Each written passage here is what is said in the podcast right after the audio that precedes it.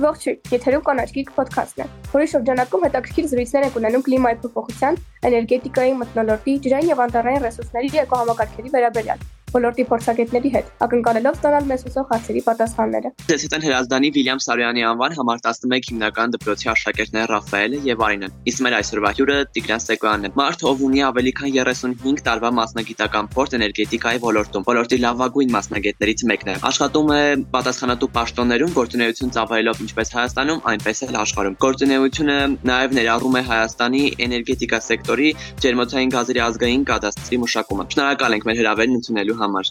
Ես նախ շնորհակալ եմ, որ դուք հետաքրքրվում եք ընդհանրապես այս թեմաներով եւ շատ ուրախանում եմ, երբ որ տեսնում որ աշակերտները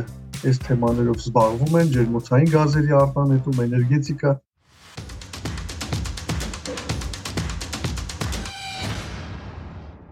Իսկ այժմ առաջին հարցը պարոն Սեկոյան։ Ինչ է առհասարակ իրենից ներկայացնում ջերմոցային գազերի արտանետումը եւ ինչ օրինակ ես կամ Ռաֆայելը պետք է դրա մասին իմանանք։ Եթե դուք նստեք մեքենայի մեջ, որը գտնվում է արևի շողերի տակ, որոշ ժամանակ հետո անտանելի կլինի այդ մեքենայի մեջ նստած լինելը, եթե ձեր բոլոր պատմանները փակին։ Պատկերացնում եք, այսինքն ինչ է տեղի ունենում, բարձ ձևով ասած, արևի ճառագայթները թափանցում են լուսաթափանց մակերեսներից եւ ջերմային էներգիա են վերածվում եւ ջերմային էներգիա չի կարողանում դուրս գալ այդ տարածքից։ Նույն էֆեկտը օգտագործվում է ջերմոցներում, ջերմոցային տնտեսություններում, այսինքն հնարավորին չափ արևի էներգիան կարողանում են պահպանել, այսինքն ներս գալով արևի էներգիան ներս մտնելով ջերմոցի մեջ դարձնում է դառնում է ջերմային էներգիա, չի կարողանում դուրս գալ։ Դրանով բարձրանում է ջերմաստիճանը։ Այդ մեքենայի մեջ եթե դուք նստեք երկու ժամ արևի տակ դուք կտեսնեք ձեր ձեր մոտ մեքենայի ներսում 60-50 աստիճան կբարձրանա ջերմաստիճանը, որը անտանելի պայմաններ կլինի ձեր համար։ Այսինքն, որpիսի խուսափենք դրանից, երկրագունդը նույնպես ջերմոցային էֆեկտ հասկացողությունը դա է, դա ջերմոցային էֆեկտը վերում է ջերմաստիճանի բարձրացման կան գիտական մոտեցումներ 2 աստիճան տաքանում է, բարձրանում է ջերմաստիճանը։ Պետք է պահպանել 1.5 աստիճանի 2 աստիճանի սահմաններում, 1.5 աստիճանը ցանկալի է, որտեղ դա թեն դառնում է չեզոք, չեզոք վիճակ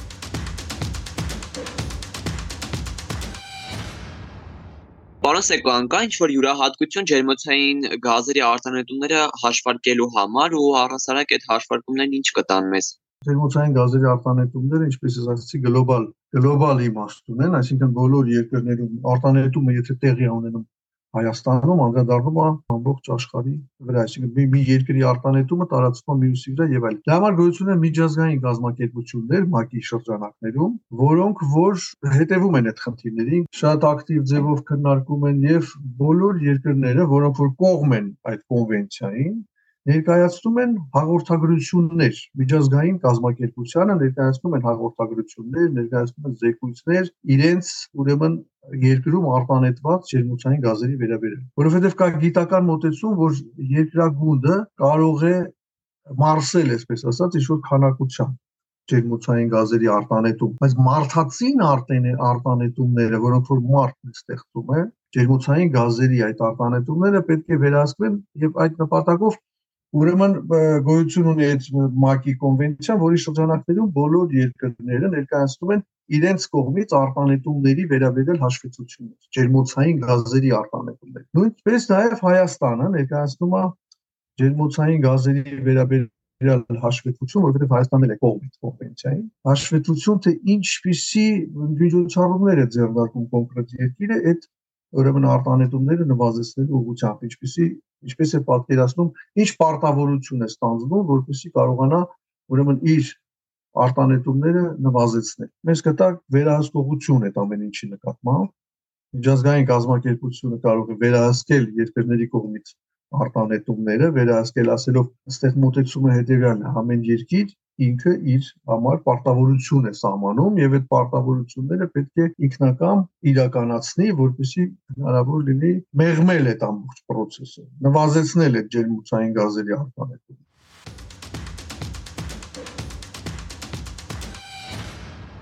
Աշխարհը տնտեսությունները զարգանում են օգտագործելով ավելի ու ավելի շատ էներգիա։ Մի կողմից դա կարող է լավ ազդել մարդկանց վրա, իսկ մյուս կողմից բացասաբար։ Թեև կարող է այդ բացասաբար ազդեցությունը մարդկանց համար ատեսանելի լինել։ Կասեք, ինչ վնաս կարող են հասցնել ջերմոցային գազերի արտանետումները բնությանը եւ ինչու՞ չէ նաեւ մարդկությանը։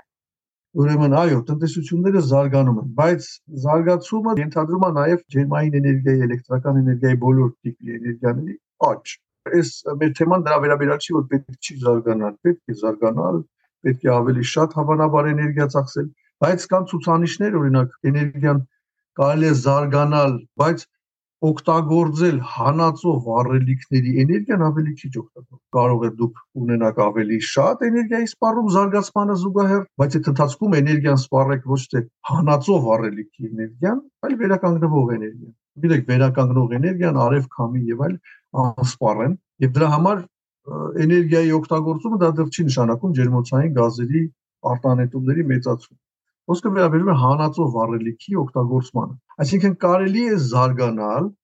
եւ միաժամանակ ավելի քիչ օգտագործել հանածո վառելիքի էներգիա։ Բնականաբար պետք է զարգանալ, բնականաբար պետք է կյանքը ավելի լավ լինի, բայց դա չի նշանակում, որ պետք է շռայլել էներգիան, որ պետք է օգտագործել աննպատակ եւ որ պետք է օգտագործել հանածո վառելիքի էներգիան։ Կարելի օգտագործել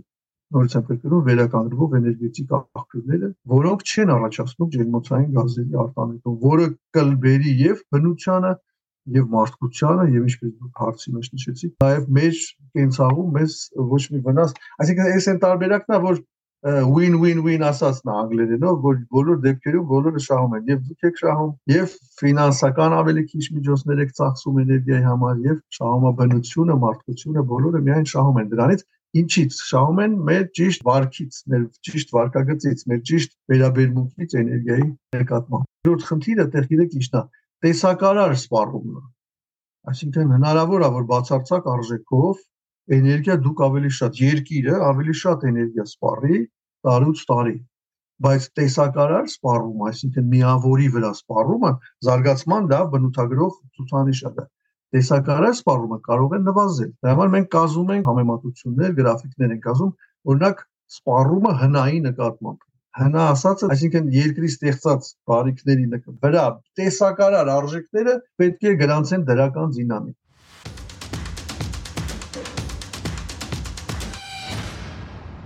Պարոն Սեկոյան, տեսեք, ես ձեզ հարցրեցի, թե ինչպես պիտի հաշվարկենք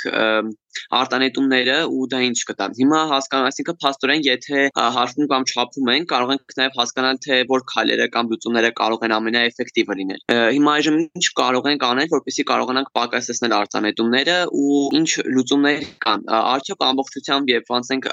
արևային էներգիայի, եթե իհարկե դա հնարավոր է, կփրկի իրավիճակը անցնել ամբողջությամբ արևային էներգիայի, բնականաբար դուք հասկանում եք, որ դա անհնար է։ Այս բան հնարավոր չի ամբողջությամբ անցնել շատ մեր մոտ շատ անգամ խոսում են, որ մենք շատ մեծ պոտենցիալ ունենք վերականգնվողի ամբողջությամբ, ամբողջությամբ ասենք, ամբողջությամբ բնականաբար հնարավոր չի։ Այս պահին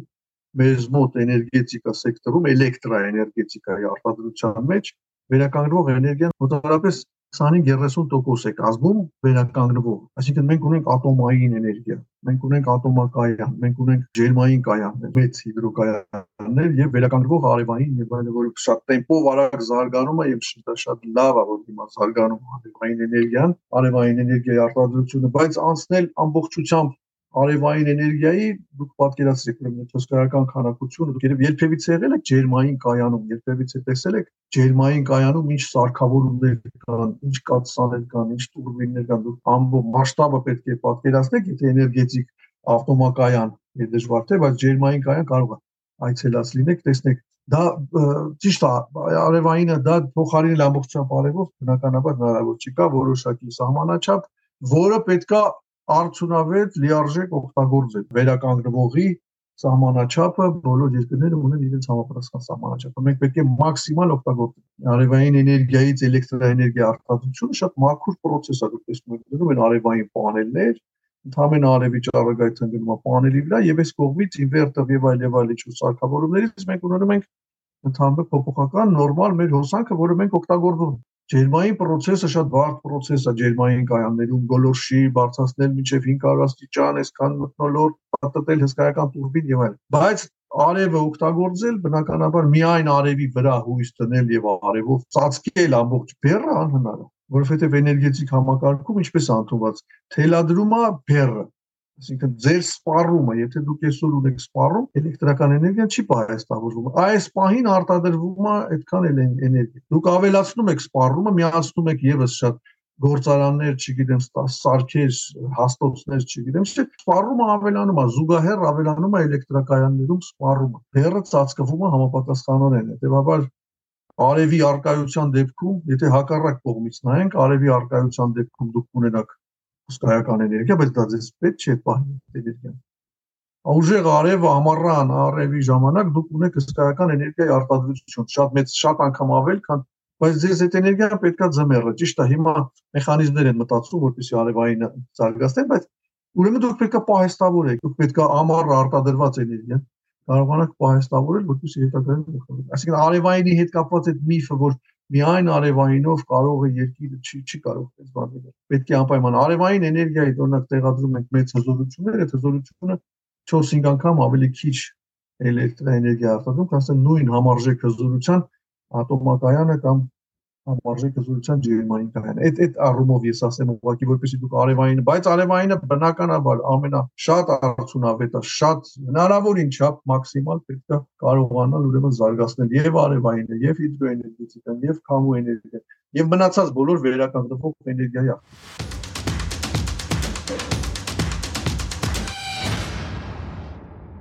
Պարոն Սեկոյան, այսպեսի մի հարց։ Ասացիք, որ 2019 թվականի տվյալներով ամենաշատ արտանետող արտանետողները տրանսպորտն է, հա։ Ձեր կարծիքով ինչ թեկուզ բաժամիջոցներ կարելի է կիրառել, որ տրանսպորտի ճիշտ ուղու վրա դնենք, թե առասարակ պետք չի բաժամիջոցներ կիրառել, թողենք ոնց որ ասում են իր հունով շարունակվի։ Ռաֆայել ջան, բաժամիջոց կամ ստիպել, այդպիսի բառերը մեր լեքսիկոնում առանձնապես տեղ չունեն, որովհետև մենք հիմնականում եւ ընդհանրապես այդ կոնվենցիայի շրջանակներում մոտեցումը հետեւել ամեն երկիր պետք է գիտակցի բնականաբար երկրի քաղաքացիները պետք է գիտակցեն որ գիտակցաբար պետք է այդ ամեն ինչը կատարվի ստիպողական նշանակել տուգանքներ դա կարող է ինչ-որ ազդեցություն ունենա բայց այնուամենայնիվ հիմնական խնդիրը ուրեմն գիտակցաբար այդ ամեն ինչին մոտենալը նկդ երկիրը գրում է պարտավորությունները իր ինքը սահմանում է, ինքը ասում է ես այսքան կարող եմ միջև այս 30 թվականը նվազեցնել, կանեմ հնարավորինս այս միջոցառումները եւ այլն։ Այսինքն պարժամիջոց ասելով միգուցե, բայց ավելի շատ պետք է ուրեմն ինչ-որ մեխանիզմներ, ինչ-որ գործիքներ, ինչ-որ խթանող մեխանիզմներ մշակել, որպեսզի շահագրգռված լինի, որպեսզի հետաքրքիր լինի, որպեսզի ավելի ավելի ուրեմն օգուտ կլինի ընդհանուր գործին, քան թե պատժամիջոցները։ Դրա համար ավելի լավ է խթանիչ միջոցներ կիրառել, օրինակ։ Կա նաև մեխանիզմ, ես վերջերս շատ ակտիվ խոսվում է դա եւ Եվրոմիությունում նաև խոսվում է դա carbon taxing կոչեցնելն է, taxing։ Կարբոնի ուրեմն հարկեր մտցնելը ածխածնային, այսինքն եթե գործարանը կամ ինչ-որ արտադրանք են արտադրում, ուրեմն պետքա նաև վճարեն CO2 արտանետելու համապատասխան հարկ էր մեխանիզմը sense է, եթե դու մի բան ես արտադրել, այդ արտադրանքը ուզում ես արտահանես Եվրոպայի երկիր, դու պետք է ներկայացնես սերտիֆիկատ, որտեղ որ պետքա լինի, որ այդ արտադրանքը արտադրելու ժամանակ դու քո երկրում կարբոն տաքս ես վճարել, այսինքն վճարել ես համապատասխան հացկացնի այդ CO2 արտանետման հարկը վճարել ես։ Եթե չես վճարել, ուրեմն դու ներկրելուց այդ երկիր ներկրելուց պետք է վճարես իր համա, իր օրենքներով սահմանված հարկ։ Այլ մեխանիզմներ, որոնք որ կխթանեն այդ process-ը, որպեսզի ավելի ծագրգռեն արտադրողների, մեքենաների դեպքում դուք գիտեք, որ հիմա էլեկտրական մեքենաները այնտեղից չի վճարվում եւ այլ եւ այլ։ Իսկ դա խթանիչ միջոցառումներ են, որոնք որ էլեկտրական մեքենաների ուրեմն տեմպը շատ-շատ տեմպով աճում է այս վերջի տարիներին Հայաստանում ներկրվող էլեկտրական մեքենաները զարգանում են նաև ցանցը լիցքավորման եւ այլն դա էլեկտրական մեքենաների կամ նախկինում ասենք կատարելագործում են նաև շարժիչները, չէ՞։ Նախկինում եթե նույն մեքենան 100 կիլոմետր քշելուց սպառում էր ենթադրենք 20 լիտր բենզին, հիմա նույն աշխատանքը կատարող մեքենան 4 հոգի տեղափոխող կարող է լինի 6 լիտր կամ 8 լիտր բենզին ծախսի կամ հիբրիդ տարբերակներ են մշակում։ Նույն ձևի լիֆտեր գոյություն ունեն, երբ որ լիֆտը իջնում է ներքև, պատճառն անկում է կատարում։ Այդ անկման էներգիան օգտագործվում է, տեղադրվում է մի հատ կուտակիչ, որտեղ որ կուտակվում է էլեկտրական էներգիան, այսինքն այդ աշխատանքը, որը իջնում է ներքև, բարձրանալուց հասկացանք ինքն է հաղթահարում, իջնելուց նույն principle նաև ասենք թե ավտոմեքենաների, հիբրիդ ավտոմեքենաների դեպքում է։ Շատ փորձագետներ երբեմն ելույթ են ունենում եւ ասում են որ գիտեք ինչ կա էլեկտրական մեքենան օգտակար է միայն այն դեպքում, երբ որ լիցքավորում ենք վերականգնող էներգետիկայի աղբյուրից, բայց դա հնավ այդպես չի եւ ծուրիմացությունն է դա, որ տարածում են, ասենք թե շատ փորձառու փորձագետներ երբեմն չիմանալով իհարկե, եթե էլեկտրական մեքենա եք ներդրում, անկախ նրանից այդ մեքենան լիցքավորվում է վերականգնվող էներգետիկ աղբյուրից, թե ձեր ցանցից, որտեղ որ ներառված է եւ ատոմայինի մարժան, եւ ջերմայինի եւ այլը, ապա դուք ունենում եք մեծ խնայողություն։ Հետևաբար ուրեմն պետքա խթանիչ միջոցառումներ ձեռնարկել եւ տրանսպորտում, եւ արդյունաբերությունում, եւ տնային տնտեսություններում, եւ էներգետիկ արտադրություններում, ասենք նախկինում օրինակ ջերմային էլեկտրակայանների OGG-ին մենք գնահատում էինք կամ աշխատում էին հենց իրենք 30-33%-ի սահմաններում։ Հիմա մենք ունենք ջերմային էլեկտրական կայաններ, որոնք մինչև 50% արդյունավետության ցուցանիշ ունեն։ Դա զարգացման process է ցույց տալիս, պետք է զարգանալ, պետք է արտադրել, բայց պետք է ուրեմն ուշադրություն դարձնել, որ հանածո վառելիքների ծախսը, տեսակարար ծախսը միշտ պետք է նվազեցնել։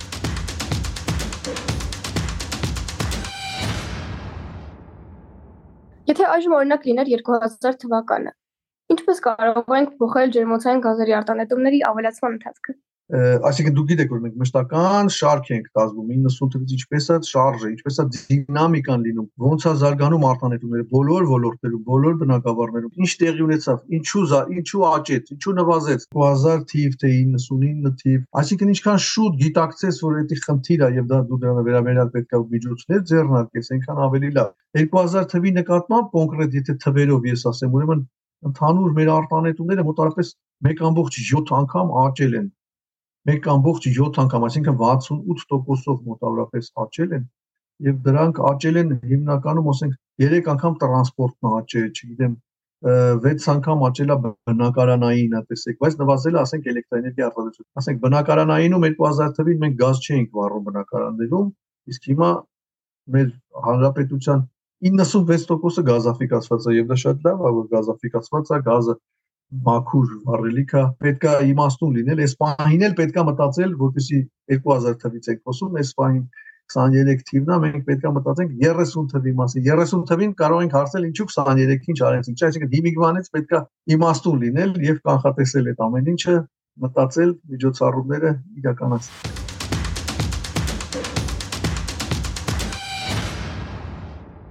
Ինչ խորհուրդ կտաք ներկայիս սերնդին։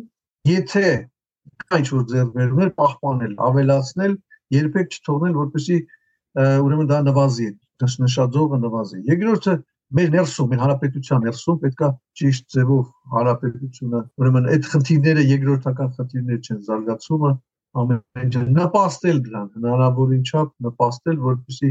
հանրապետության ներսում բոլոր ուղություններով, բոլոր բնակավարներում զարգացում